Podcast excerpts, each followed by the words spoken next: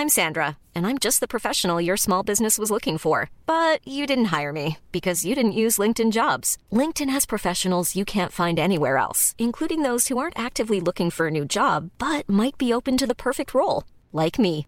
In a given month, over 70% of LinkedIn users don't visit other leading job sites. So if you're not looking on LinkedIn, you'll miss out on great candidates like Sandra. Start hiring professionals like a professional. Post your free job on linkedin.com/people today.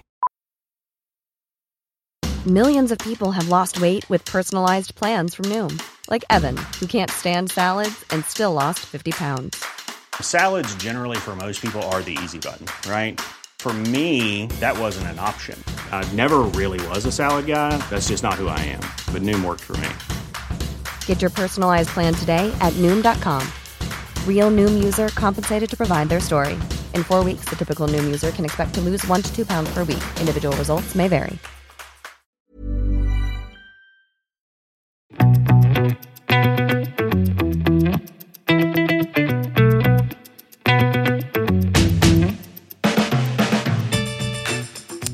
og velkommen til en fersk episode av Klokkelandslaget. Den er faktisk utrolig fersk fordi vi spiller inn dagen før du lytter til dette, hvilket betyr at vi kan bringe ferske nyheter, for det har vi faktisk i denne episoden. Så det er ganske mye aktualitetstemaer. Eh, Jon Henrik bringer noen ganske spennende nyheter, og nye perspektiver, kanskje. Og så er det naturligvis Johs Henriks hjørne i dag også, og Yes. gullkorn på Finn. Alt er på si. Vi kjører i gang umiddelbart. Første nyhet som vi må dekke, som jeg tror engasjerer oss begge, og de som lytter på, forhåpentligvis, er at Louis Vuitton gjenoppliver Daniel Roth. Eller Daniel. Roth. Rot.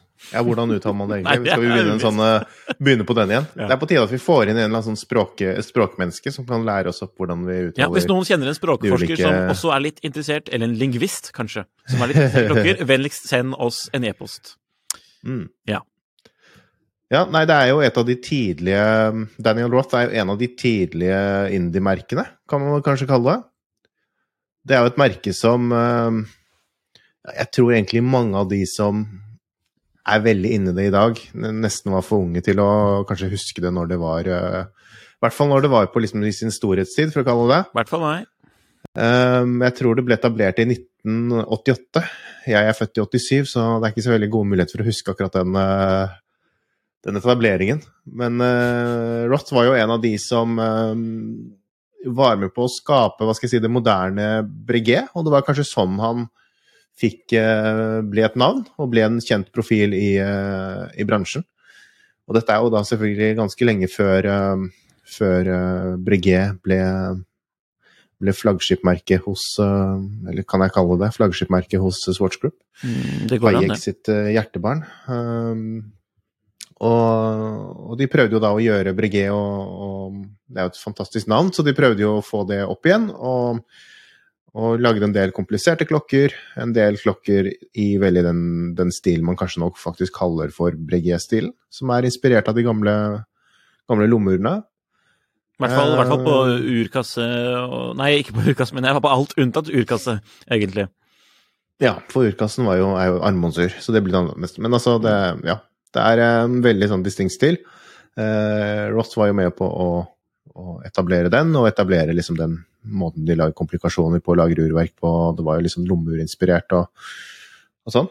Um, så ville han jo lage sitt eget merke, og fikk muligheten til å gjøre det. Uh, holdt på noen år. Uh, er kanskje mest kjent fordi uh, ja, Hva kaller man den formen, Nikolai? Den uh, Dobbel ellipse, heter den. dobbelellipse? Mm. Ellipso Ja. curvex. Det er det, jeg lover. Vi, vi, ja, ja, ja. Vi bør nesten få opp et bilde. Uh, Ja. Skal vi Det- se, skal jeg prøve å dele litt skjerm her, så Må vi gjøre. For, eh, de som, for de som hører på, som ikke kan se på skjermen så, Skjermen, faktisk. Skjermen! Oh my god, herre. Den, den der KJ-lyden går for langt nå.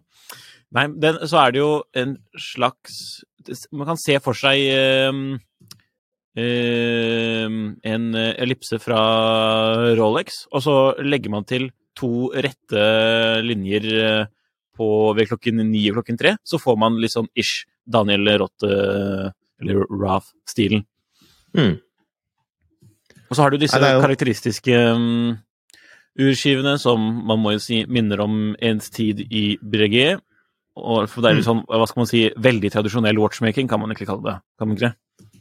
Jo da, Ja. det absolutt. Så, uh, uh, Og det er jo super eh, fine greier. Ja, det er helt nydelig. fant du en uh... Den aktuelle som vi ser på her nå, da, det er vel en 90-tallsmodell. uh, 1995. Uh, ok, men da sånn- er det litt etter eh, Det er faktisk det er vel da litt etter eh, Etter han forlot det. Men, forlot det, på den tid, altså, det, det var jo ikke Det er jo et etablert design. Det var ikke sånn at de, noen hadde gått veldig ut fra han, eller gått vekk fra hans oppskrift, for å si det sånn, da, for å lage den der. Nei. Eh, interessant nok så Altså- gikk jo den her ganske altså forholdsvis billig, da, for nå ser vi på en aksjon fra Philips her, fra 2021, om jeg ikke husker helt feil. Eh, Mm. Her er det El Primero-verk, da. Så Ja, hvorpå resultatet gikk for 15 000 sveitserfranc. Det, det er jo kul klokke for pengene. Utvilsomt. absolutt. Absolutt. Og I, det er vel liksom det som er gull. Ja, Fra, altså i roségull. Rosa gull, faktisk. Det var direkte Men der er vi over på noe litt heftigere saker, da. Ja, så nå ser vi også på et bilde fra med Tourbillon. Eh, litt eh, dyrere der, ja.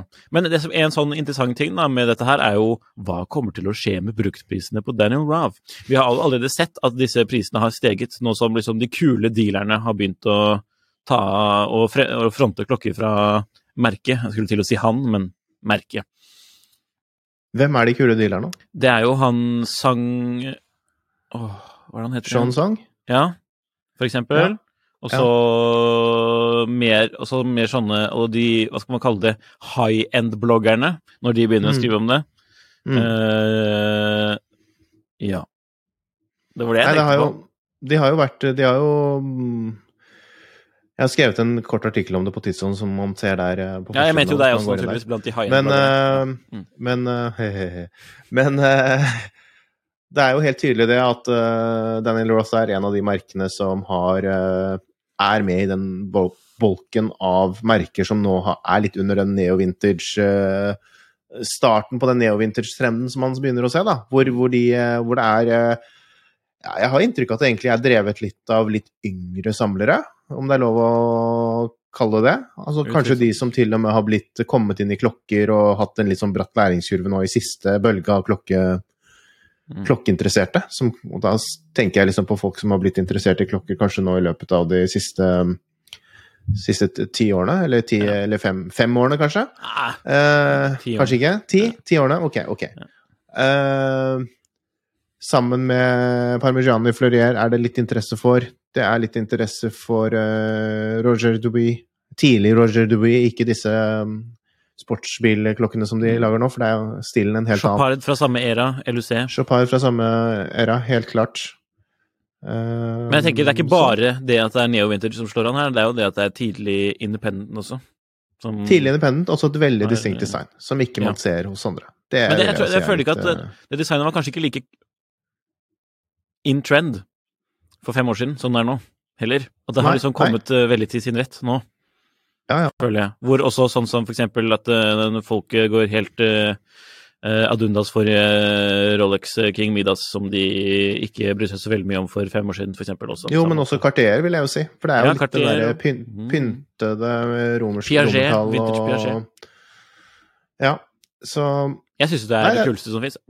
det er veldig spennende. Og det er veldig spennende nå, for det ble jo Det som skjedde med, med Daniel Roth, var jo at det i um, Nå må jeg nesten jukselese litt i artikkelen min, for jeg husker ikke helt. det. I år 2000 så var det The Hourglass, som er en sånn Singapore-basert um, Jeg kaller det Singapores bjerke, da. På steroider. som kjøpte, kjøpte Daniel Roth. De kjøpte vel også Gerald Genta, altså merket um, Gerald Genta, og prøvde å få litt ut av det. Um, det endte jo med det at det ble kjøpt av um, fra The til Bulgari. Bulgari syns jeg ikke gjorde en så veldig god jobb med disse merkene.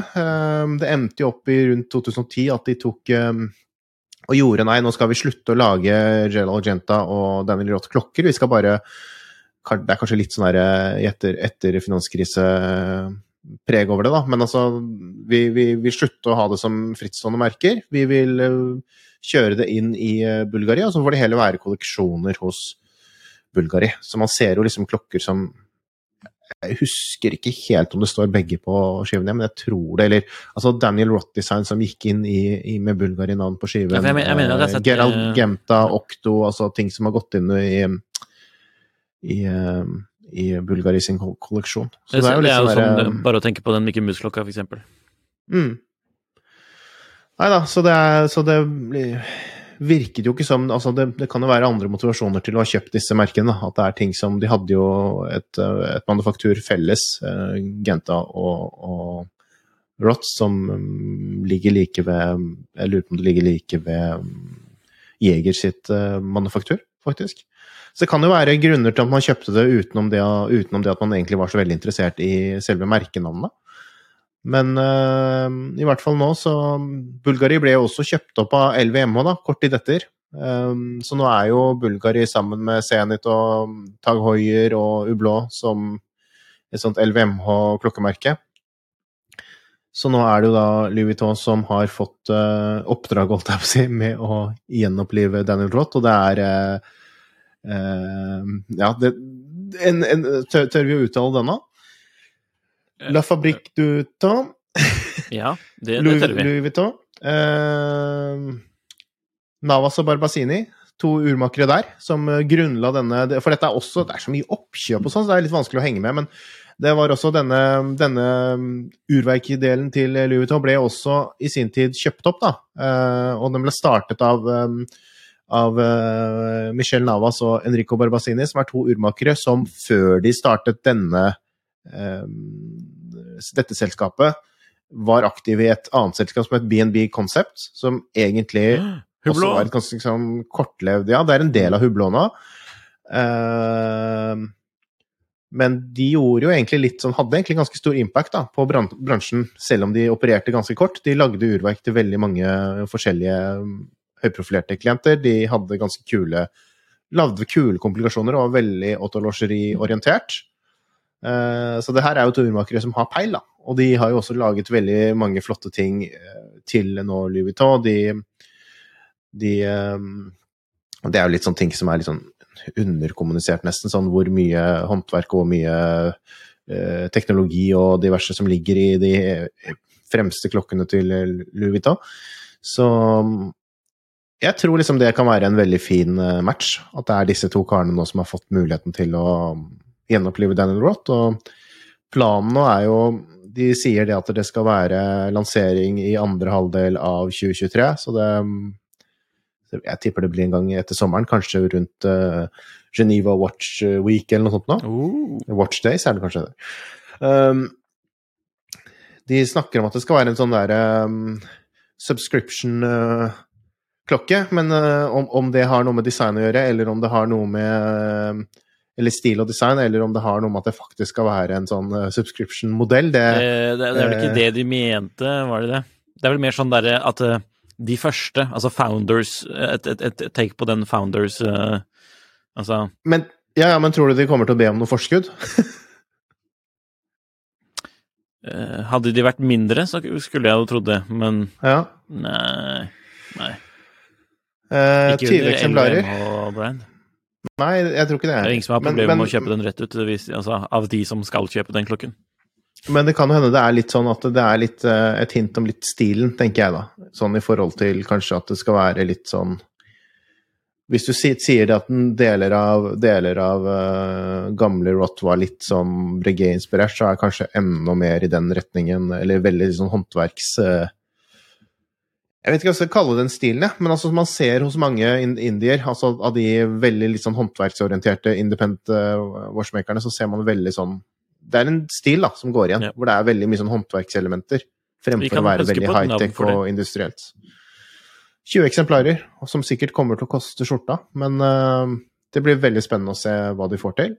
Og så er det jo litt interessant å se det også at et stort eh, et stort selskap som Louis Vuitton og et enda større selskap som eh, LVMH begynner å rote seg bort i dette her, da. For det, jo, det sier jo kanskje litt om um, den utviklingen man har sett hos de frittstående urmakerne nå i det siste, og interessen som er der, og at man kanskje gjør seg litt klar for at det er en trend som trekker litt i den um, Enda mer i den retningen. Så kanskje vi får se en eh, en eh, Daniel eh, Swatch. For å, for, å få, for å få i gang merket skikkelig. Ja, det hadde vært Det hadde faktisk vært litt kult. ja, Det måtte vært en bom, da. Til, nei, sorry, nå er jeg jo helt på jordet. Ja, nå er jeg på for noe? LVM òg. Ja. Mm, Eller en tambur-swatch. ja, det måtte det heller vært, da. Ja, men det, de har jo, ja, for de har jo snakket om å ta det utenfor um, altså, altså, det ikke må nødvendigvis være noe fra Swatch Group Group. Så Nei. ja, ja. Men vi trenger ikke å ta det her, ta enda mer Moonswatch-prat nå. Det går bra. Nå snakker vi faktisk om noe som er vesentlig kulere.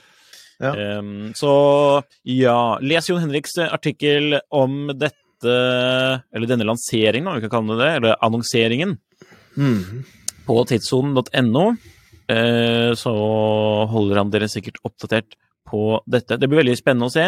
Uh, det kan kun gå Han skulle til si det kan kun bli bra, men det kan jo faktisk ja, Ja, man, kan man bli ræva òg. Ja.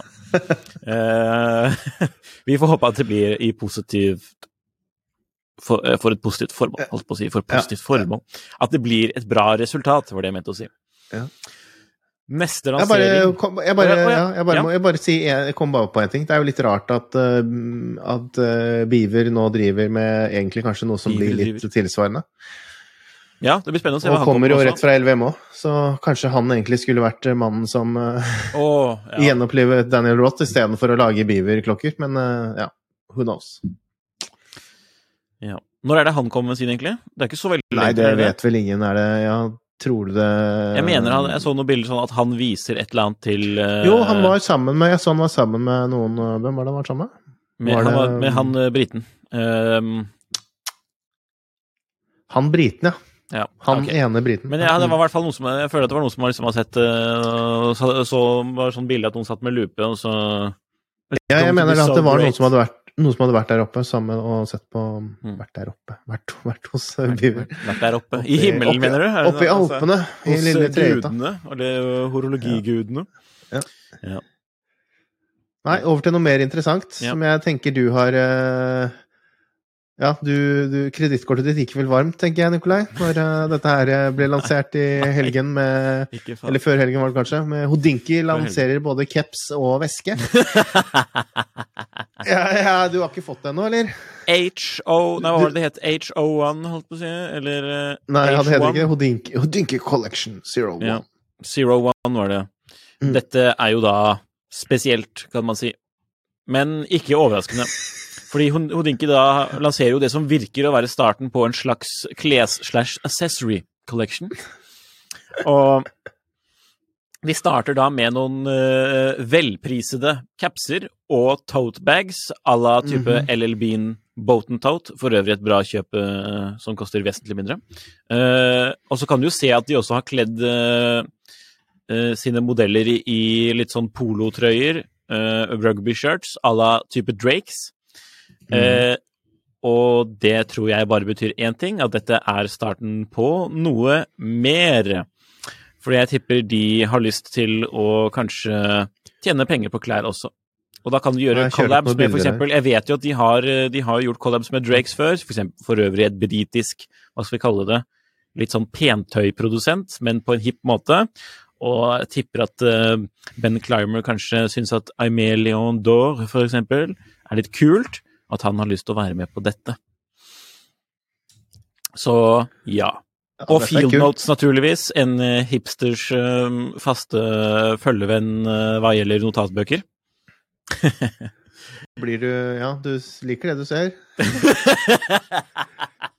Se på den capsen. jeg, jeg, må jo, jeg, jeg må jo si at dette er jo ikke stygt, men eh, Nå må ikke du bli mobbet til å, mene at det er fælt, da? Eller altså Nei, altså, jeg, er ikke jeg er ikke redd for å si at jeg altså, syns at altså, Toten er litt kul, men uh, vi hadde kjøpt en LL Bean Boat Tote, som er the original, og koster altså, nesten en tiendedel. Um, for eksempel, la oss jo- eh, eksemplifisere da, prisene her med caps. 80 dollar. Mm. Den er i navy wool, da, skal sies, med en stor H på. Eh, og så har du en grø... Grø, faktisk. Grå. Grø. En grå City Touts in grey briquettes. Mhm. 165 dollar. Mm, Ja. ja. Altså, jeg bare På måten bildene er tatt sånn, så er det det, det, det, det oser Drakes Aimé Leon d'Or og Keef, for eksempel. Mm. Den uh, klesprodusenten som uh, Jerry Seinfeld uh, Eller den klesbutikken som Jerry Seinfeld gjorde sånn collab med for en stund tilbake. Som broke the internet, som de kalte det. Høres kjempehipt ut. Ja. Du skulle bare visst, Jon Henrik. ja. De skriver jo at de har samarbeidet med produsenter som har laget ting lenge. Det er jo mm. interessant. Så det er det de har lansert. Skal vi lese noen kommentarer, eller? For det ja. syns jeg vi burde gjøre. Har du noen linet opp. Ja, da skal jeg bare slide raskt inn på Instagram her, og så dra opp et par uh, kommentarer. Uh, imens kan jo du si hva du synes, Jon Henrik. Jeg, jeg synes jo jeg, jeg, har jo noe personlig mot alle typer caps, da. Fordi jeg har jo aldri funnet en cap som passer til det forvokste hodet mitt. ikke engang eh, klokkelandslaget-capsen? Ikke engang Ja, i, i, i, hvert fall ikke klokkelandslaget-capsen, vil jeg si. Men uh, det jeg syns jo de veskene Og vesker er jo litt uh, Like vesker sånn Ikke vesker på den måten, men også ting til å bære ting er jo en ting jeg har en personlig interesse for. Mm. Uh, og hvor det egentlig er mer, kanskje mer uh, funksjon eller, eller, det enn nødvendigvis at det skal være sånn veldig stilig. Uh, og jeg syns jo faktisk Ja, jeg syns faktisk den Ja, de er ikke så dumme, altså. De totene? Sånn design Nei. nei. Nei, men, altså, men, men gå på LL Bean og så sjekk tote, Boat and Tote. Det er originalen, da. Mm. Man kan kalle det det. er litt mer value for money, om jeg kan si det. Så, Nei, altså, det, altså, ja. altså jeg, jeg, jeg, bare ser, ser, på det sånn helt isolert, da. Så, så, er det ikke dumt, men altså, det er jo pris, og det er jo veldig mye annet man kan kjøpe hvis man bare er opptatt av å bære ting, da. Så, ja. som, jeg tror det er én sånn kommentar her på Instagram som, uh, som, sier det ganske perfekt for hva mange, eller for hva noen syns, i hvert fall. I mm. didn't want to like it, but it's really well executed as expected. Ja, den kommentaren leste jeg også. Det var én ja. av, positiv av 100. Ja, og så er det noen som skriver 80 dollars for a hat. Lmao, altså laughing my ass off, eller annet sånt. Well done, tasteful gear. Um, uh, please hire a real merch designer. This hat is whack. Uh, 80 dollars for a 25 dollar hat. Hard pass. Uh, how many travel clocks will fit in the tote bag? ja, den er morsom. Ja. Så um, Jeg syns ikke at det ser dårlig ut, da. Uh, det gjør det ikke. Nei, det ser absolutt ikke dårlig ut, men og så er det jo det med Og de gjør jo ingenting som ser, veldig, som ser dårlig ut. Det er jo, altså, de vet jo De vet jo hva de som faktisk bruker penger i butikken deres, liker. Ja, men uh, jeg tror ikke de solgte ut de der reiseklokkene helt, da. Men, uh, Nei, det er en annen altså, sak. Men de har jo ikke, Hodinki har jo aldri laget noe som ser dårlig ut, Nei. vil jeg jo nesten si. Det ser jo bra ut, eller greit Fra, fra helt ok til veldig bra, mm. det de lager. Men så er det det derre når de vet den kritikken de har mot seg, og spesielt med de veldig kommentar... Kommentarfeltet på Dinky er jo nesten som et forum. Og når de da ser alle de De ser jo tydelig hva, Jo, hva er det man får negative kommentarer på? Jo, det er tingene man har, er veldig positive. Og, og selv om det på en måte kanskje er produsert eller laget helt redaksjonelt, så, mm. men når det er med LVMH, som har en liten eierandel i Eller venture-armen til LVMH har en liten eierandel i Odinki, så selvfølgelig da må man være kanskje litt bevisst på det. Og så er det selvfølgelig også med disse produktene som er eh, eh ikke så veldig close til klokker, da. For det, det er jo ikke en eneste klokke på disse bildene, markedsføringsbildene, og det er jo litt sånn spesielt. Det er jo ikke noe det er ikke noe klokkerelatert i disse bildene, eller noe det de, når de reklamerer for disse produktene. Ja, modellene liksom har vel på seg klokker? Ja, hva er det de har på seg? Du kan ikke se hva de har på seg engang, tror jeg. Så, det, så de, det er jo de produktene som man føler liksom at man bare melker publikum mer enn at man liksom bygger noe opp mot klokkeinteressen, da, eller bidrar noe sånt. Og det, det er de tingene i hvert fall som jeg ser mange reagerer negativt på. Ja. Når, du, når, du, når uh, Steven uh, Pulverent går rundt med Leica-kamera og forteller hvor eh, om, om har han blitt reklamemann, da. Nå har han blitt reklamemann. og han er en superhyggelig fyr, liksom, så det er ikke noe med ja, det. Men jeg skjønner det at det er At det blir at det blir litt feil. Da. At, det, at det, det, det, gir man bare fôr til de uh, kritikerne. Ja, som kommer de garantert til å bare gønne på. dem, da. De kritikerne, tror jeg. Nja de handler jo Altså, de har jo ganske stort bredt utvalg nå, da, ting. Ja, det er jo remmer, og det er uh, rimeligere klokker. Det er ikke det at er, Houdinki selger noen jævla tote bags, at folk kommer til å slutte å handle hos dem.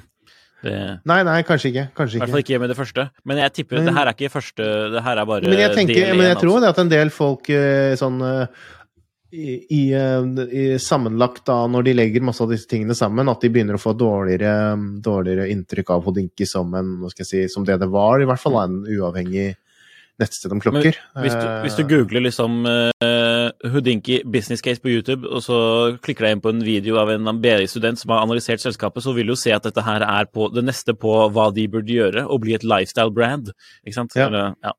Så Det var vel det han sa, han eh, vår, eh, Ja, vår venn var- Jørgen eh, ja, men, og, han, sa han har jo eh, mer pondus enn den jevne BI-student, så det Ja. så på noe faglig pondus, altså. Ja, ja. Men så er det ikke sikkert Ja. at det å være en god business er nødvendigvis det samme som det å være en, et godt eh, Hva skal jeg si Være en sånn klokke klokkeentusiastenes eh, favorittnettsted, da. Det er bare det.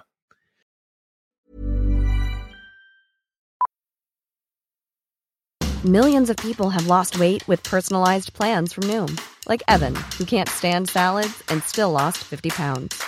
Salads, generally, for most people, are the easy button, right? For me, that wasn't an option. I never really was a salad guy. That's just not who I am. But Noom worked for me. Get your personalized plan today at Noom.com. Real Noom user compensated to provide their story. In four weeks, the typical Noom user can expect to lose one to two pounds per week. Individual results may vary.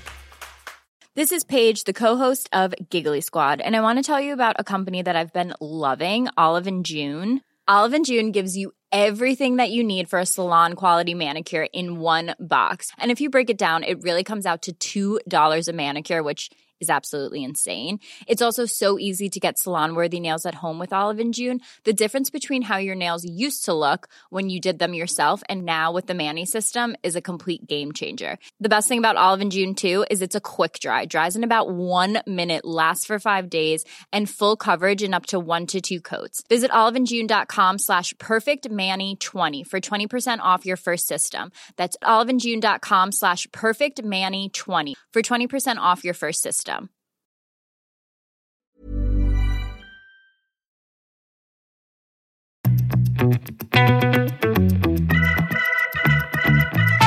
Det er litt andre ting som har uh, skjedd Ja. nå Apropos ganske nylig merch, også. på en måte. Ja, for det, det er jo merch for klokke... Nei, for uh, fotballfans, på en måte. Ja. Vi hadde jo Eh. han øhm, Vi hadde jo Mister Fotballklokker inne i studio for uh, før uh, Ja, altså like før jul. Mm. Clocker, Mr. Clocker, som også driver med fotballklokker. Uh, nå har de jo kommet i helgen, skal vi se om jeg kan få det opp på skjermen her sånn. Det er Norske norsk- fotballklokker. Altså flere norske norsk fotballklokker. Norsk klokkemerke som heter Argentinsk. ja, Berg. Har du hørt om de før, Nicolai? Det har jeg. Det har du. Har du skrevet om det før, kanskje? eller? Uh, jeg tror jeg har, hatt de, nevnt det i den der eh, Jeg har skrevet noen artikler om norske klokkemerker, litt sånn overordnet. Ja. Mm, da har jeg hatt det med på listen, i hvert fall. Mm. Uh, kjent kanskje for uh, lakseremmer. Yes, det er det jeg husker også. ja. Nå har de altså Norsk Daniel Wellington med lakseremmer. Nei, altså, norsk Daniel Wellington med lakseremmer er vel det jeg vil si. Og det er kanskje en ærlig sak, det, å lage, lage det. Ehm, de har visstnok nå da inngått en avtale med det argentinske fotballforbundet, om jeg har forstått det Det stemmer. rett? Jeg leste å- offisiell sak på, på argentinske fotballforbund sin eh, nettside også. Oh ja? Hvor Hva, de hva introduserer med, om samarbeidet med, med Berg eh, og sånn. Så Ja. Så det er 100% offisielt? Det er ikke en Yes. sånn lisens, altså sånn at man bare har fått lov til å bruke det, og så er det liksom det står jo 'official licensee', men altså de, Jo, jo, men- det men- virker jo men som jeg føler det er skikkelig liksom- samarbeid. Ikke sant? For det er jo litt forskjellige nivåer av det, mener jeg. Sånn der at noen har lyst til å bare bruke, bruke logoen, og så får de lov til det, og så driter egentlig de som eier logoen i det, holdt jeg på å si. Også, men dette her virker jo litt mer Her virker det som det er et tosidig samarbeid, eh, i hvert fall gjennom den eh, teksten som var presentert på ja, forskjellige Ikke fora. sant? Eh, og på det argentinske fotball, fotballforbundet sin nettside, se, hvor de stolt Ja. presenterer at de har fått uh, egen klokke for, uh, Ja. fordi, for de som ikke kjenner det til, f.eks. meg, at Argentina vant fotball-VM i fjor. Ja, Mm, i Det, de desember gjorde visstnok det. Ja. Her ser man jo Messi, er det det? her? Messi. Også, Som er gravert Med- på baklokket. ikke noe Salt Bay, da. Da hadde jeg kanskje kjøpt den. hvis det hadde vært Salt ja, det var jo sånn der Messi. famøst bilde med Salt Bay. Hvor han fikk lov å holde pokalen. Ja. Eh, det var festlig. Nei da. Det er eh, sånn, og så er det vel eh, Skal vi se. Det er en eh, urskive her med 22 på klokken 10. Og logo. Og det er vel for året, ja, fjoråret, da, 2022. Ja, det og var så er det vel antagelig da- Kanskje det var 22. desember òg, jeg vet ikke. Hun, til og med. Eller noe sånt. Ja, det vet ikke jeg noe om. Nei, Men det, ja, jeg skulle ikke sagt det. Jeg vet ikke det med sikkerheten. så var det Er det jo logoen antagelig, da, til det Yep. argentinske fotballforbundet der? Og så kommer den i litt forskjellige farger på urskiven. Eh, De lager 9999 kvartsklokker, Ja. og så lager de 2022 med Celita SV200, tror jeg. Altså automatisk. Mm. Mm. Eh, Hver en av 9999, Nikolai. Frister Det kan jeg være. Jeg er ikke noen fotballfan, eh, så Nei, det- men hadde du kjøpt det selv om du var fotballfan, da? er spørsmålet at Ja. jeg tenker Hvis jeg hadde vært Argentina-fan, blod-Argentina-fan, Ja. why not? Og litt kort? Nei. Men det, Nei da. Men jeg, jeg syns jo Jeg vil gjerne liksom Jeg syns det er en fin sånn anledning jeg, til å så snakke litt om litt av det jeg syns er helt veldig galt med norske klokkemerker, eller norske mikrobrands, eller norske sånn, og det som er eh, Ja, vi kan ta Berg først. Uh, helt uinteressant som klokkemerke for meg, og jeg tror også for de fleste som, som er publikum på tidssonen. Fullstendig uinteressant. Som, det er jo bare sånt helt anonymt Ja, da, norsk Daniel Wellington. Um, som business, superimponerende at det de har fått til nå, det er jo dette er, virkelig dette sånn er der eh, business. ja, ja, ja. Dette her, ja. Altså, all honnør til, eh, til um, driverne bak Berg for det de har gjort nå, for det virker jo som en super, um, super, superdeal. Og det er jo mange klokker, så de må jo tjene greit med kroner på, på dette her.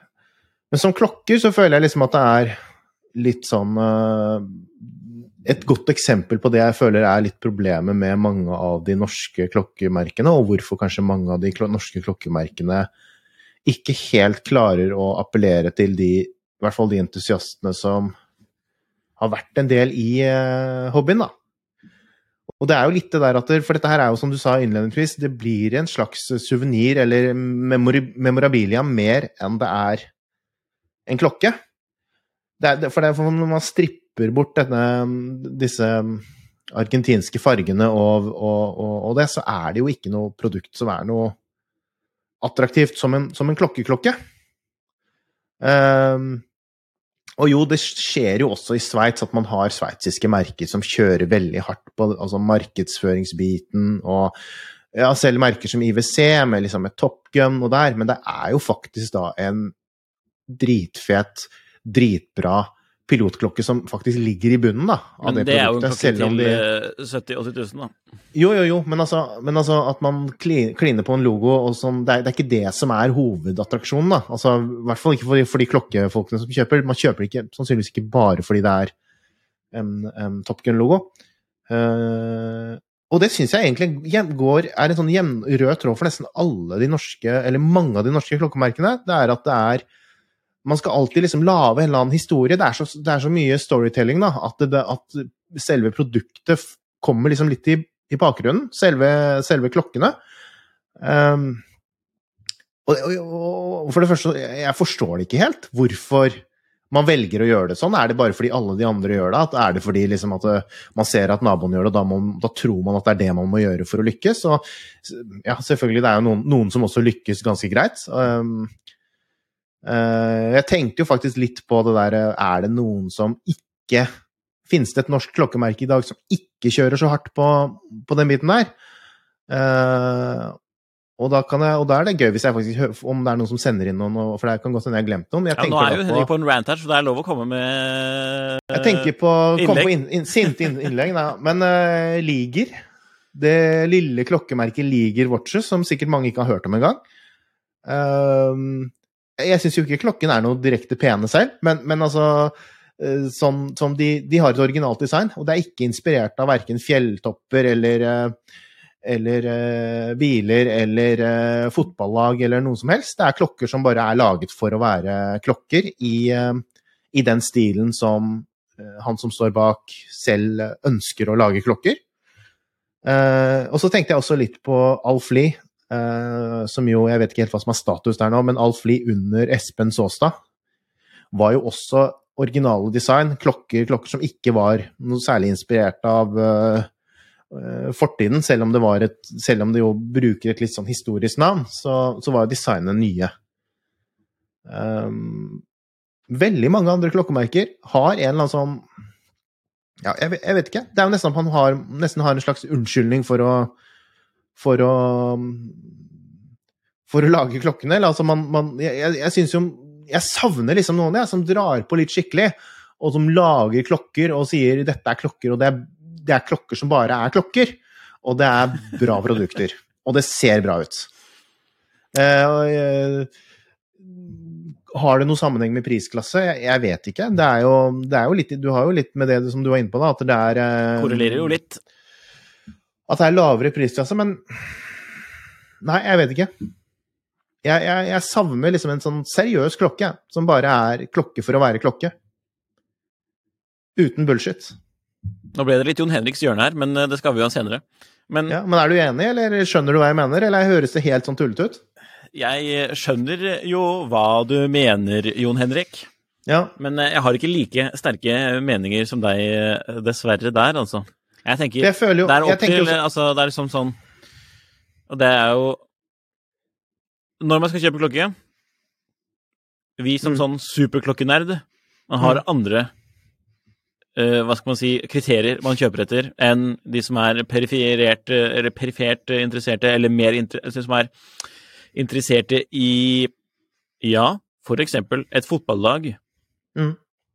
Hvorpå ja. de dømmer etter hva sier Altså, er dette den offisielle for laget, og hvor mye tenker jeg på fotballaget når jeg ser på denne klokken? Annet enn mm. eh, Altså, og hvor unikt eh, Altså, eh, hva skal man kalle det, value proposition er i det store og hele klokkemarkedet, da. Mm. Ja. Det er mitt utsagn. Og ja. Men, men, det er jeg jo enig i, altså, selvfølgelig. Altså, og det er business, og hvis man bare skal drive business og drive og prøve, og så kanskje det er smart å lage fotballklokker, eller det er smart å lage ditten og datten, men nå snakker jo jeg fra et sånt klokkeentusiastperspektiv, hva jeg savner i uh, disse merkene. Og en annen ting som også jeg tenker litt på, det er jo litt det at når man med en gang man begynner å dra veldig mye storytelling inn, da, så så distraherer man på en måte publikum litt også, fordi man hvis jeg, hvis jeg, sa det, Nikolai, nå skal jeg bare lage, jeg skal lage en sportsklokke, eller jeg skal lage en verktøyklokke. Og da, da, får du umiddelbart en del kriterier i hodet som du kommer til å vurdere den klokken ut fra. Og så om det er bra eller dårlig, og så gjør du det opp en mening. Men hvis jeg sier at jeg skal lage en ja, Hva er det Nikolai er inspirert av, eller liker? Jo, du liker en eller annen sånn obskur møbel. Uh, keramikkprodusent eller noe sånt. Så jeg sier at jeg, jeg, skal lage en som er eh, en klokke som er eh, en hyllest til, eh, til en, eller annen, en annen møbeldesigner eller sånn, da. Da begynner du brått å gå litt bort fra det der å vurdere produktet mitt som en klokke, men så begynner du heller å se på hvor er det, eller klar, altså, du, du, måler det heller opp mot det, det jeg har um, kommunisert er eh, inspirasjonskilden, eller det jeg prøver å hylle. da. Ja. Du begynner å se på det mer, og, og, da, og, da, kan du jo faktisk si å, det var kult, for der er jo den der armlenet er jo i indeksen, og, og understellet er jo i eh, baklokket, og ja, samme materiale på skivene, og det er dritkult. Og så, og så, lurer du kanskje til med deg selv litt også, fordi det er eh, du, du, vurderer det i hvert fall ikke som en, som en, klokke. Da må du være veldig kritisk hvis du begynner å, du begynner å faktisk klare å strippe bort der, de første tankene om å bare se det opp mot den stolen eller den sofaen eller sånn, og så begynner du altså. Og da tenker jeg at man har med helt forskjellige produkter å gjøre, da. Ja. Men eh, ja, tar innspill. Kom med, med- kom med send eh, meninger. Jon Henrik melding hvis dere har innspill til eh, denne diskusjonen angående um, Hva skal man kalle det? Altså eh, Ja. eh, denne diskusjonen. uh, utover det så må er det jo da uh, Ja, hvis man vil lese mer om disse Altså om det argentinske fotballforbundet Klokkene, så er det bare å søke opp det. Uh, Fotnoter. fotnoter. Det putter vi inn. Ja. Mm, utover det så må vi bare si kult at eh, det gir jo oppmerksomhet til norske klokkemerker, dette her også. Og det skriver de faktisk eh, på slutten av eh, meldingen sin, disse bergfolkene, at klokken er selvfølgelig ikke for alle, men vi er veldig stolte av å ha fått denne muligheten, og håper at det vil bringe mer oppmerksomhet rundt, oppmerksomhet rundt oss og de andre Ja. norske klokkemerkene internasjonalt. Ja, og det håper jeg jo ikke, da, at det er det der de forbinder med norske klokkemerker. Nå er du litt for streng. Men, men altså, som jeg sa innledningsvis, all honnør til, eh, til selskapet som en business og det de har fått til. Det er sykt uh, imponerende. Hva har skjedd siden sist? Jeg har skaffet meg en ny klokke som jeg tenkte jeg skulle vise litt frem. Ja. Har du skaffet en ny klokke? Nei. uh, men hvis Nei. du vil ha en wristcheck-type, så har jeg egentlig bare Ja. lånt ur av Jon Henrik, Citizen, Mm. den som vi kåret til eh, budsjettkongen fra fjoråret, Ja. basically. Eh, Er? ProMaster Ja. Den er kul. I titan. Er du enig i at den er den beste? Ja. Fra fjoråret, i budsjettklassen? Ja, Det er én ting vi er enige om. Versus SKX 007, hva syns du? Så, sånn, eh, den koster jo Den koster jo dobbelt så mye, da. Ja, det gjør den kanskje. Mm. Ikke, ikke dobbelt så mye som det de SKX-ene kostet her til lands. Nei, men nesten.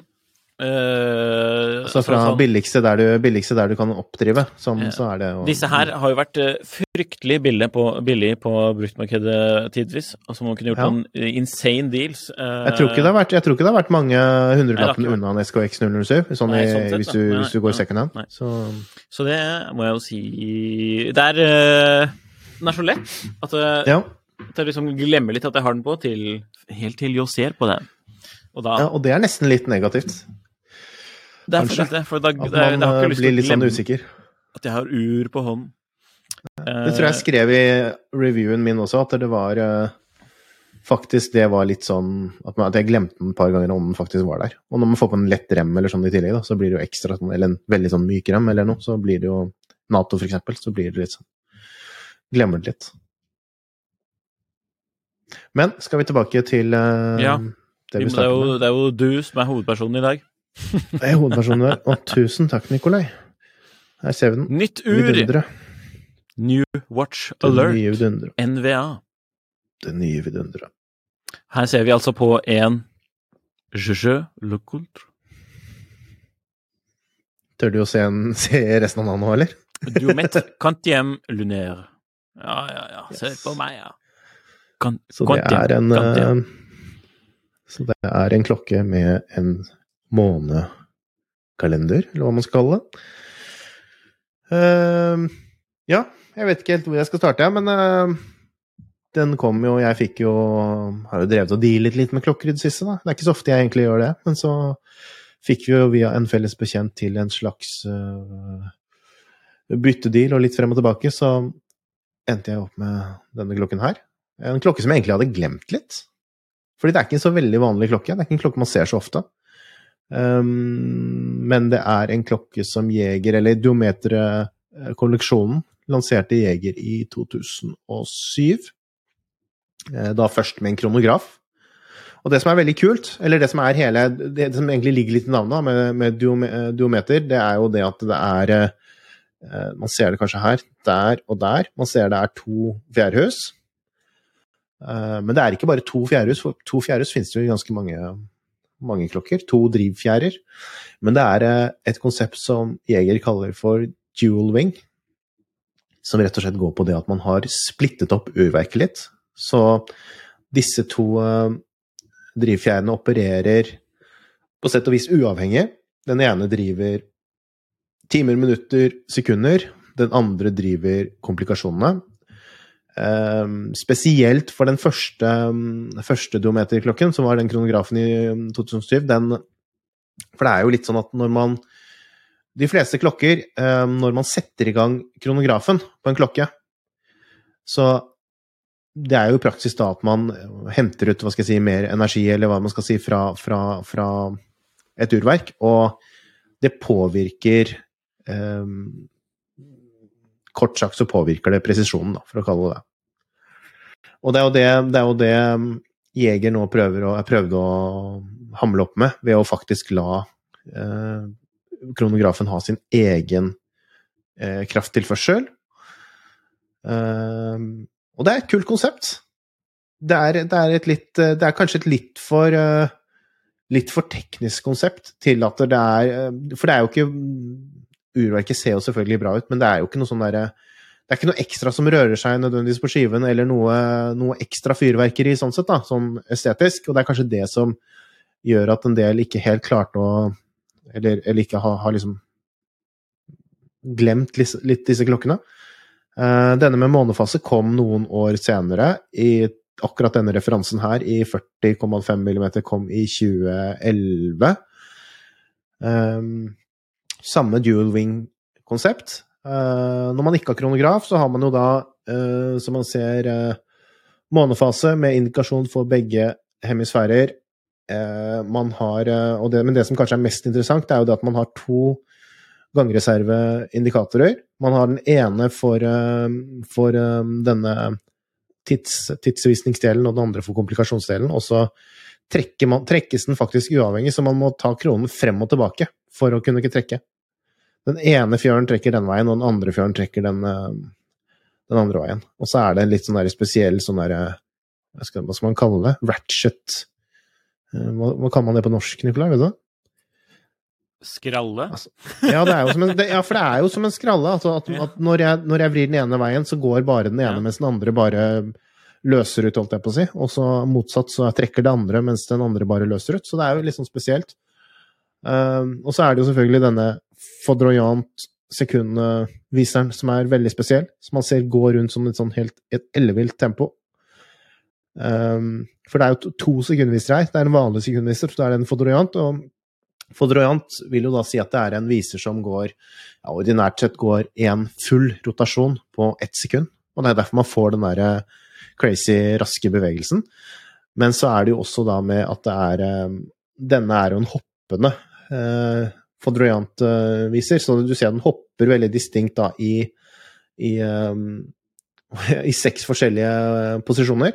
Litt som en. Så den måler jo da en sjettedel sekunders intervaller, da. Men altså, det er jo ikke noe mulighet for å stoppe den eller noe sånt, så det er eh, Ja. Kul klokke. Litt sånn halvdressig. Uh, halvdressig? Ja, syns du ikke det? Eller vil du si det er en ren dressklokke? Den, eh, de aller fleste vil nok si at det er en dressklokke, ja. Ja, jeg syns jo ikke det. Den er litt for stor til det, da, egentlig. Altså, litt sånn, ikke ja, for stor, men litt sånn, sånn Det er litt for mye som skjer. For at det skal være sånn dress, dress, dressklokke? Ja. Det er litt mer sånn og, gå rundt hjemme i T-skjorteklokke og joggebukse. For deg, da. Ja. Urverket er jo i, i um, German silver, eller tysk sølv, eller nysølv, som det kanskje kalles mest på norsk. Neue Silber. Som er uh, en miks av kobber, nikkel og sink. Uh, en sånn, og det er en litt sånn spesiell legering som har en litt sånn varmere tone, og får gjerne ofte litt varmere tone over tid også. Så det ser litt um, annerledes ut enn typiske, typiske mer hva skal jeg si, sølvfargede urverk. Um, og det er jo et sånt som man kjenner også fra en annen uh, produsent i Richmond Group, uh, Lange. Lange bruker jo veldig mye tysk sølv i urverkene sine. Og det er jo litt sånn uh, Det som er litt artig med den diometerkolleksjonen, er jo det at Jeger er ikke et så hvis man setter det opp mot Lange, da. Lange har jo en veldig lik finish på alle produktene. Selv om man kjøper den billigste Lange og Sønne-klokken, så får man en ja, Så er finishen gjort på en, på en omtrent den samme måten da, som den er gjort på de helt dyreste klokkene til mange millioner. Hos Jeger så er jo ikke det tilfellet. Jeger de produserer også veldig mye større volumer eh, av klokker sånn totalt. Eh, de rimeligste klokkene har da nødvendigvis en vesentlig dårligere, dårligere finish enn de helt dyreste klokkene. Eh, og dette her er jo en klokke som har et finish-nivå som er en del over de typiske hva skal jeg si, Polaris, eh, Master, de mer vanlige, mer kjente jegermodellene. Så det er kanskje litt sånn, litt sånn Et sånt produkt som kanskje er litt vanskelig å, å forstå, fordi man må Man må virkelig da se, se kanskje litt med egne øyne, eller lese opp for å forstå litt den derre ja, prisforskjellen da, som er ned til en, en type master. Som, uh, så det har ikke vært noen sånn veldig, veldig kommersiell suksess, denne Duometer-kolleksjonen. Men, Men uh, kul å se hva på, er? Jeger gjør videre. Kul å se på, litt morsom. Ikke planlagt kjøp, men det ble sånn, og det um, er jeg egentlig ganske happy med nå, altså. Det må jeg si. Ja, ja, ja. Grattis med det. Yes. Vi var Var det noe annet du hadde lyst til å si? Ja, jeg hadde egentlig, egentlig ikke det. Jeg, jeg tenker bare det at vi skal gå Vi, vi, vi hadde jo tenkt å ta en liten wrist-check, men nå har vi allerede vært litt Ja, på både, Ja. både Citizen din og jegeren, jegeren min. Ja, den er jo, den er jo din, den òg, holdt jeg på å si. Citizen. Ja, det er sånn. Skal skal ja, ja. Utlån. Ja. Jon Henriks Hjørne. Mm. Bjørnar Boldnes spør Hva er den mest interessante klokke man litt tilfeldig har snublet over? Mm. Har du lyst til å starte der, eller? Det kan jeg jo. Isotope Watches. Helt uh, Ja. tilfeldig som jeg kom over det. Mm. Eh, jeg tror jeg har snakket om det i poden før, men det er jo et litt sånn obskurt, eh, om jeg ikke husker helt feil, britisk attet, eller drevet eh, merke, Mm. som har noen eh, festlige design, som ikke ligner på så veldig Mm. mye annet, som er en litt sånn egen greie. Microbrand, naturligvis. Eh, Og jeg liker klokkene deres, rett og slett. Mm. Eh, det er litt sånn eh, skal man kalle det? Uredd design, men eh, Men kult. Ja.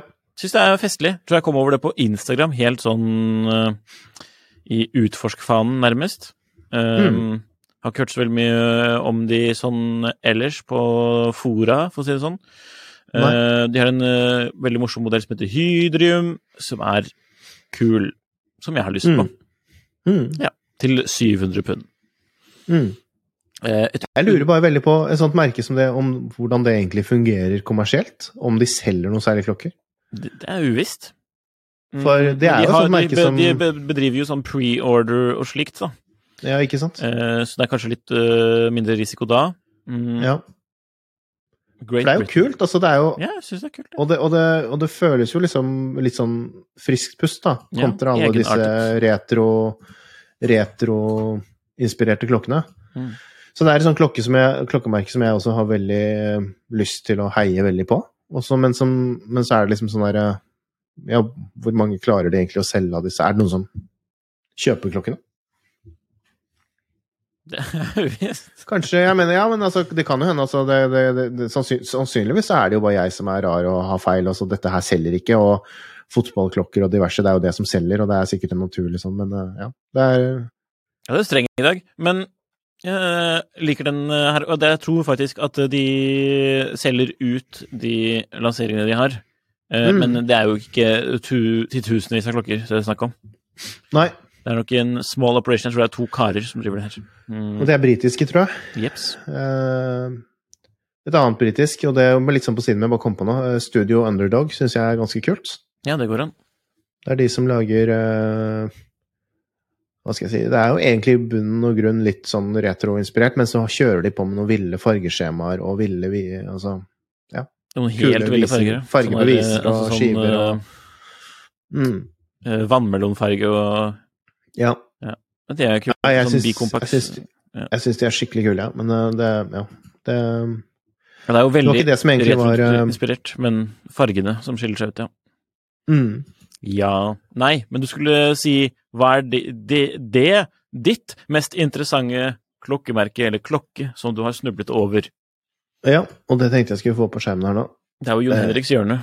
Selv om du Otsuka Lowtech. Det er eh, et japansk eh, klokkemerke. Um, og hvis man er på YouTube, så er det Swiss Watch Gang har laget en video nå om um, akkurat den modellen der. Som er blir gå litt i dybden og litt nær, vakre nærbilder og litt sånn. Mhm. Som er anbefalt å se hvis man har lyst til å se litt mer på det. Men det var faktisk en um, en klokkevenn som uh, tipset meg om dette merket her. Jeg lurer på om han har kjøpt den, jeg, nå er jeg litt i tvil. Um, for en tid tilbake. André, som, ja, som du også har møtt, som har en del Mhm. kule indie-klokker. Um, så det er et litt sånn artig merke. Man tenker jo På Japan tenker man jo bare på kanskje Citizen og Seiko, at det liksom er de to um, Eller kanskje Kurono, hvis man er uh, litt sånn Meget bereist. Eller Hajime Asao, Asaoko, men um, Eller na, na, Naoya Hva heter det for noe? I, ja. Det er flere japanske merker som er fine, da. Men uh, dette her er jo et litt sånn spesielt merke, fordi de lager jo litt sånn Hva skal man kalle det designet her, da? Uh, litt sånn steampunk-aktig. Ja, Er du enig? Ja, jeg er enig. enig. Litt steampunk-aktig. Industrielt. Industriell sånn instrumentfølelse. instrumentfølelse. Ja. Og litt sånn, det er jo litt sånn retropreg på det, selv om ikke det er noe sånn veldig Stemmer det? Ja, så det er kult. Det er eh, prislasse fra rundt en 15 000, eh, 15 000 sier jeg. Eh, fra rundt 1500 dollar opp mot et par tusen dollar, eh, mener jeg det er. Men eh, dessverre så ser man jo her at det er temporary suspension on orders for alt. Ja, fordi Jeg syns jeg hørte det at de, de produserte rundt 70 klokker i fjor, ja. Så det er jo ikke akkurat noen sånn kjempestor, eh, kjempestor kapasitet de har. Nei. Eh, Det meste er vel basert på Miota baseverk, men så gjør de jo en del sånne egne, egne komplikasjoner på toppen.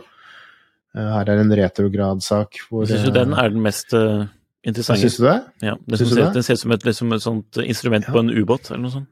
Dybdemåler. Jeg syns jo denne her er nummer fem. Jeg synes den nummer fem er ganske stilig. Ja, den er Og så syns jeg også den eh, her eh, 7,5 er stilig. Og det tror jeg faktisk er den rimeligste og den dyreste av de de tilbyr. Så sikkert også rom for å gjøre noen egne eh, customizations, egen skreddersøm, hvis man har lyst til det. For det er jo ganske sånn lave lavvolumprodusent, så det tipper jeg går an. De gjør mye med manuelle maskiner.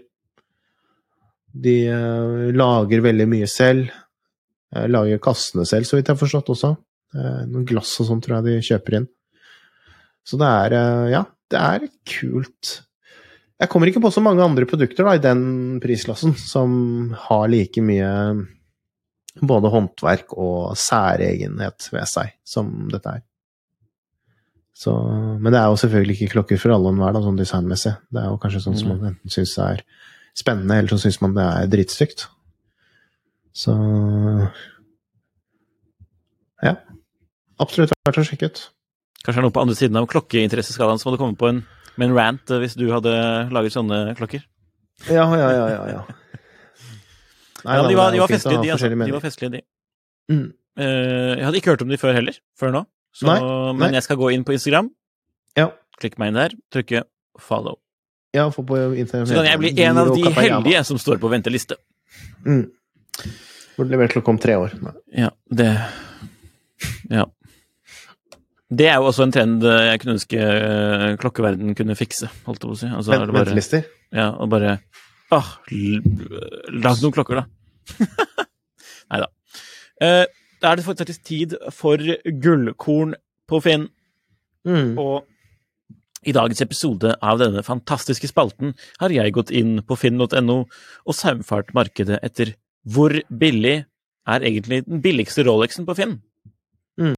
Fordi først, når du søker på Rolex på Finn, som vi allerede har diskutert om at var det sånn være nummer to på søkelisten i Oslo etter hva folk, Finn, nei, folk søkte på på Finn i fjor, Mm. Eh, så der er det jo naturligvis mange resultater også. Og fordi folk har jo skjønt at har du Rolex i teksten din, eller Rolex på søkeordlisten din inne i annonsen Mm. din, som for øvrig er et helt horribelt konsept, så kan man jo da få fantastiske kjøpere. Folk som kommer og søker etter Rolex, vil plutselig begynne å kjøpe din Casio, tydeligvis hvis man har Rolex i annonseteksten. Takk for tipset. Takk for tipset. Så jeg bladde meg gjennom alle disse totalt irrelevante annonsene for å bla meg frem til den billigste Rolexen, og man må jo naturligvis gjennom ganske mange sider før man kommer opp til den faktiske Rolexen. Man blar seg gjennom grønne bokser og tags og Pagani eh. Eh, Å, eh, Psychomods, Dag Hoier. Folk som vil bytte sin Oris, Oris i Rolex. Um, ja, Rent bytte. rent bytte. Special edition. Spesialutgave. Men da kommer jeg til den billigste. Har du lyst til å gjette Mm. hvor billig i anførselstegn den var, Jon Henrik? Jeg tipper rundt eh, Jeg tipper rundt 45 000-50 000, ja. Å ja.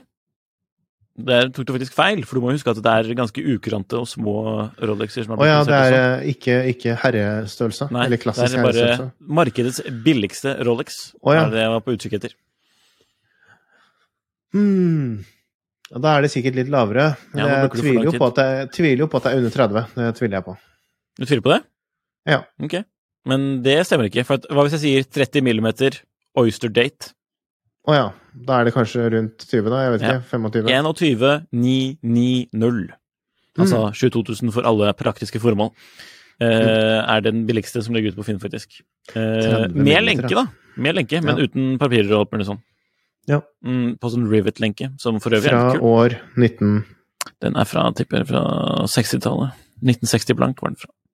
Oi. Så det er den faktisk den rimeligste på markedet. Tenkte bare Mm. sånn, litt sånn uh, interessant ting å ta opp. Det er jo en klokke som ikke Rolex ville gått for, stiger og eh, stiger og stiger. 22 000 for uh, noen år tilbake, men Ville kanskje gått for eh, jeg, vil jo, jeg vil jo si at eh, man for 22 000 så får man så mye annet spennende at den For eksempel en Otsuka Lowtech.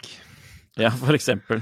Hvis man er så sær at man liker det, da. Um, og så neste på listen er faktisk 30 000 igjen, da. Så, Mm. og det er også en uh, Oyster uh, Ikke spesielt spennende. Altså, Mm. nei. Ehm, kanskje ikke til 30. Er man oppe i, er man oppe i litt større Er man oppe i herrestørrelse da, eller? Eller grå Summer, står det. Hm? Da er man oppe i litt større Ja, da får du fire flere millimeter å gå på. Ja, ja, Eh, ja. Så, ja. Mm, men så så jeg faktisk på klokkeriet at det hadde gått en på auksjon au, au. Hva, er- skjer med den KJ-lyden her, da? Auksjon! Auksjon. Auksjon. Hatt ferie, vet du. Vinterferie. Ja, det har ikke hatt vinterferie. Og da gikk det en for 18,5 K Ja. på ja. som nevnt, auksjon. For en ukes tid Mm. til to siden. Så det Ja. var også en Oyster Precision da, med 34, eller på 34 millimeter. Eh, Mm. Med en litt mer spennende sort urskive, da, men uten lenke. Så da vet dere det. Markedets billigste Rolex for øyeblikket er 22 000, rett og slett. Ja. Eh, Hadde du kjøpt den? Nei. Hæ? Nei, og man hadde ikke kjøpt den. Nei. Nei. Hadde du kjøpt det Hvor, ja, hadde, hadde brukt ta den, da. Hvor, hvor høyt må man opp da for å få en eh, Eller hvor høyt ville du eh, Hva må man opp på da, hvis man skal ha en Rolex du ville hatt? Nicolai Gill. Hva slags. Rolex må man opp på da? Det er et godt spørsmål. Man må jo opp på sånn 60 for å få en Explorer 190-tall. eh. Så det er det du ville hatt? En Explorer, en vanlig Explorer um, Jeg hadde ikke kjøpt noen av de klokkene for den prisen, for, eh, for å være helt ærlig. Nei. Um, Men hvis man ikke tenker pris, da, for uh, hva, hva, bare tenker estetikk, hva er det du da vil, jeg tatt en Explorer. Explorer? Mm. Mm. På lenke. Mm. Mm, ikke Rivet. Kanskje Yes. Folded. Ja. Mm. Så Den er god. Den er god. Det var egentlig det jeg hadde på gullkorn på Finn. der. Det var ikke så mye gullkorn, men bare sånn liten morsom ting. Og det betyr jo da at vi kan putte markedets billigste Rolex i tittel. Markedets billigste Rolex. Mm. Nei, men Vi trodde egentlig det skulle bli en kort episode, men nå ble det jo egentlig en ganske lang en. Beklager. Eh, det var av Jon Henrik, eh, eh, en liten rant Mye der. tanker. Mye Eh, tanker. mye tanker, mye tanker, mye oppfordringer eh, Ja. til Eller hva skal vi kalle det? En utfordring. Det var jo ikke meningen Ja, å være spesielt negativ, kanskje, men å bare komme med en oppfordring til å lage noe eh, jeg En klokkeklokke, som du kaller det. Og kanskje det kommer noen også og sender en melding eller en mail eller sier at Hei, Jon Henrik, du glemte klokkemerket XYZ. Mm. Og det kan det godt hende jeg har gjort, som lager veldig klokke, klokkeorienterte klokker. Ok. Vi takker for at dere som hører på, hører på, Og vi liker at dere er engasjerte i podkasten, for vi er jo engasjerte, og hør på Jon Henrik i dag, han er jo spesielt engasjert. Eh, og derav, send e-poster, eh, trykk liker, uh, trykk abonner. Um, og slike ting. Og hvis du liker podcaster, så kan vi jo friste med at Finansavisen har mange andre spennende podcaster. For eksempel Kunstpraten, som nettopp har begynt i en ny sesong. Uh, så har vi jo Mil etter mil, uh, tankestrek, en komma Nei, en komma. en podkast om bil!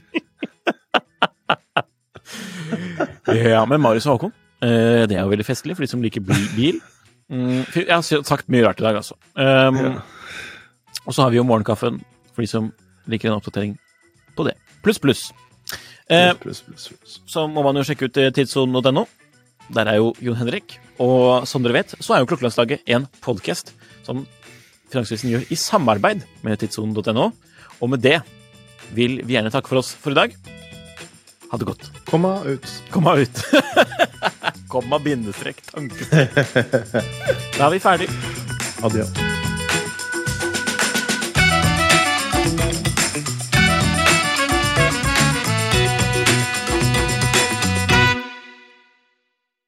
Klokkelandslaget er en Finansavisen-podkast i samarbeid med Tidso. Programleder er Nicolai Giel og Jon Henrik Haraldsen. Produsent er Lars Brenden Skram.